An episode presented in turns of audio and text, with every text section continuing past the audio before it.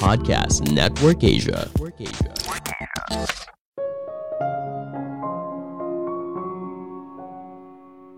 Banyak orang merasa dirinya adalah orang yang rasional, padahal keputusan yang diambil dipengaruhi oleh lingkungan sekitar. Halo semuanya, nama saya Michael. Selamat datang di podcast saya, Sikutu Buku. Kali ini saya akan bahas buku The Social Animal karya David Brooks. Sebelum kita mulai, buat kalian yang mau support podcast ini agar terus berkarya, caranya gampang banget. Kalian cukup klik follow Dukungan kalian membantu banget supaya kita bisa rutin posting dan bersama-sama belajar di podcast ini. Buku ini membahas cara kita untuk memahami manusia dengan lebih baik. Penulis menggunakan sebuah cerita fiksi yang didukung oleh riset ilmiah untuk mengetahui cara pikiran bawah sadar bekerja.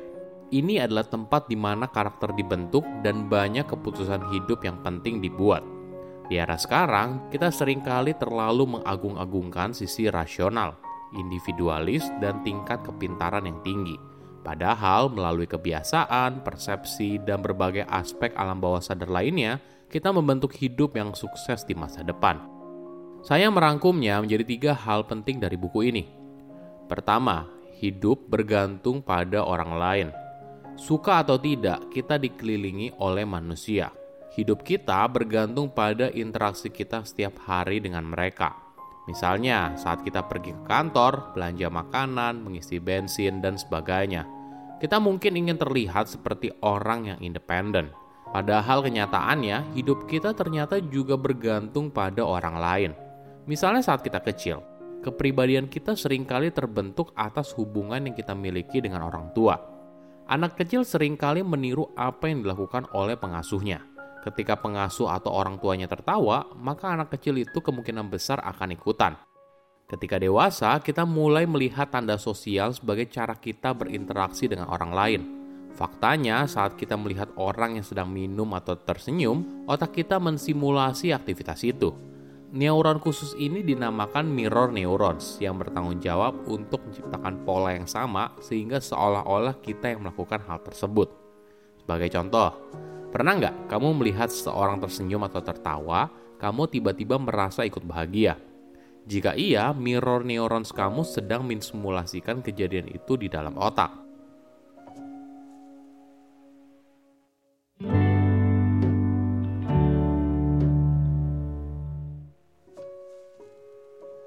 Kedua, lingkungan mempengaruhi sebuah keputusan.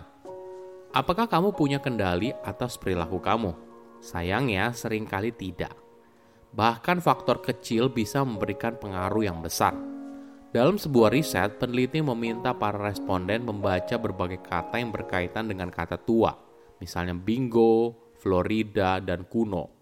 Ketika responden keluar dari ruangan, peneliti mengamati kalau mereka berjalan lebih lambat dibandingkan saat mereka masuk. Peneliti lalu meminta responden lain untuk membaca kata yang berhubungan dengan sifat yang agresif, seperti kasar, menyerobot, dan sebagainya. Alhasil, para responden mulai memotong pembicaraan orang lain lebih sering. Inilah yang menjelaskan kenapa penilaian kita sangat bergantung dari bagaimana sesuatu itu ditampilkan. Misalnya, wine seharga 300 ribuan akan terasa lebih mahal apabila disandingkan dengan botol wine lain yang harganya lebih murah. Tapi wine 300 ribuan yang sama justru terasa lebih murah apabila disandingkan dengan botol wine jutaan. Mungkin ini alasannya ketika kamu pergi ke toko yang menjual minuman beralkohol, kamu akan melihat botol wine mahal yang dipajang. Ada fakta lain yang menarik. Di luar negeri ada istilah justice is what the judge ate for breakfast. Artinya, keadilan adalah sesuatu yang hakim konsumsi di pagi hari. Ternyata di balik kalimat ini ada fakta pendukungnya. Secara umum, seseorang akan memiliki pandangan yang berbeda tergantung apakah saat itu dia sedang lapar atau kenyang. Seorang psikolog dari Ben Gurion University menemukan seorang hakim membuat sebuah keputusan pada faktor yang sama sekali tidak ada hubungannya dengan kasus yang sedang dihadapi. Misalnya, seorang hakim cenderung memberikan pengampunan apabila dia sudah makan, lebih spesifik lagi, setelah istirahat makan, hakim memberikan persetujuan bebas bersyarat dari 2 per 3 pengajuan. Dibandingkan secara rata-rata, hakim hanya memberikan sepertiga. Uniknya lagi, pengampunan hakim justru menurun ketika permohonan bebas bersyarat diajukan tepat mendekati waktu istirahat makan, karena di momen itu boleh dibilang waktu yang paling lapar. Pada studi lain, peneliti bertanya kepada para responden tentang kebahagiaan mereka secara umum.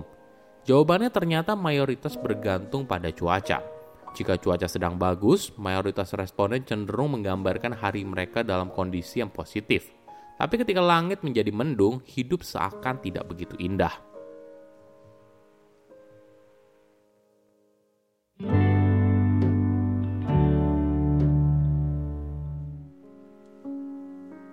Ketiga, kemampuan pikiran bawah sadar. Pikiran kita sering kali dianalogikan seperti sebuah gunung es. Kita hanya bisa melihat sekilas atas apa yang terjadi di dalam pikiran bawah sadar atau ujung gunung es. Sedangkan sisanya yang merupakan bagian dari pikiran bawah sadar, ibaratnya berada di dalam laut yang tidak terlihat dari permukaan. Namun walaupun tidak terlihat, bukan berarti tidak relevan. Pikiran bawah sadar memproses data yang jauh lebih banyak daripada pikiran sadar. Dan kita bergantung pada informasi ini untuk membuat keputusan yang cepat dan melakukan tugas yang sulit. Misalnya, saat kita mengendarai mobil sambil mendengar lagu, Tentunya hal ini mustahil dilakukan apabila setiap aktivitas membutuhkan bagian dari pikiran yang sadar. Inilah kekuatan pikiran bawah sadar yang jarang sekali dibicarakan. Banyak orang terlalu fokus pada pikiran sadar, bagaimana seseorang bisa berpikir secara rasional dan penuh logika. Padahal kita bisa membuat keputusan yang lebih baik menggunakan intuisi. Ada contoh yang menarik. Banyak peternak ayam memperkerjakan seorang ahli yang dikenal sebagai chicken sexers apa pekerjaannya? Orang ini bertugas untuk mengidentifikasikan jenis kelamin ayam yang baru lahir. Biasanya orang ini punya pengalaman bertahun-tahun atau bahkan puluhan tahun dalam beternak ayam.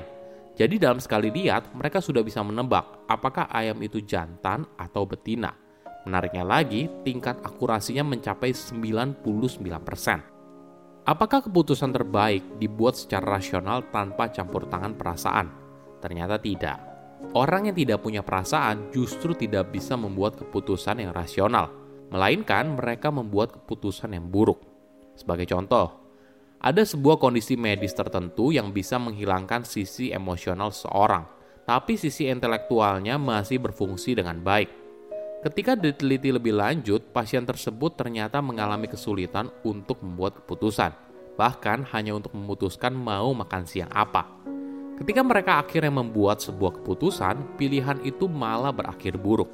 Kenapa? Ternyata perasaan membantu kita untuk menilai beberapa pilihan. Misalnya, kamu diajak untuk lompat dari tebing yang tinggi. Kamu mungkin merasa takut, cemas, atau bahkan panik. Itu adalah cara tubuh memberikan tanda kalau kamu melakukan sesuatu yang berbahaya. Nah, pada akhirnya semua sensasi ini membantu kita untuk membuat pilihan apakah kita tetap terjun atau tidak. Oke, apa kesimpulannya? Pertama, kita bergantung pada orang lain. Walaupun kita berusaha sebisa mungkin untuk independen, faktanya kita masih membutuhkan orang lain. Bukan hanya untuk bertahan hidup, tapi ucapan, bahasa tubuh, dan perilaku orang lain juga menjadi tanda sosial bagi kita untuk bersikap. Kedua, lingkungan mempengaruhi keputusan. Ternyata keputusan yang kita ambil bisa dengan mudah dipengaruhi oleh lingkungan. Bahkan sesederhana apakah kita dalam kondisi lapar atau tidak bisa membuat kita mengambil keputusan yang berbeda. Ketiga, pikiran bawah sadar itu luar biasa. Coba bayangkan kamu menyetir mobil sambil mendengar radio. Bayangkan apabila semua aktivitas itu memerlukan bagian pikiran yang sadar. Tentunya hal ini jadi mustahil kan? Saya undur diri, jangan lupa follow podcast Sikutu Buku. Bye-bye.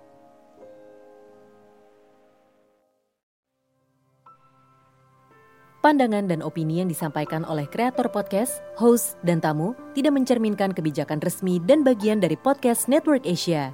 Setiap konten yang disampaikan mereka di dalam podcast adalah opini mereka sendiri dan tidak bermaksud untuk merugikan agama, grup etnik, perkumpulan, organisasi, perusahaan, perorangan, atau siapa pun dan apa pun.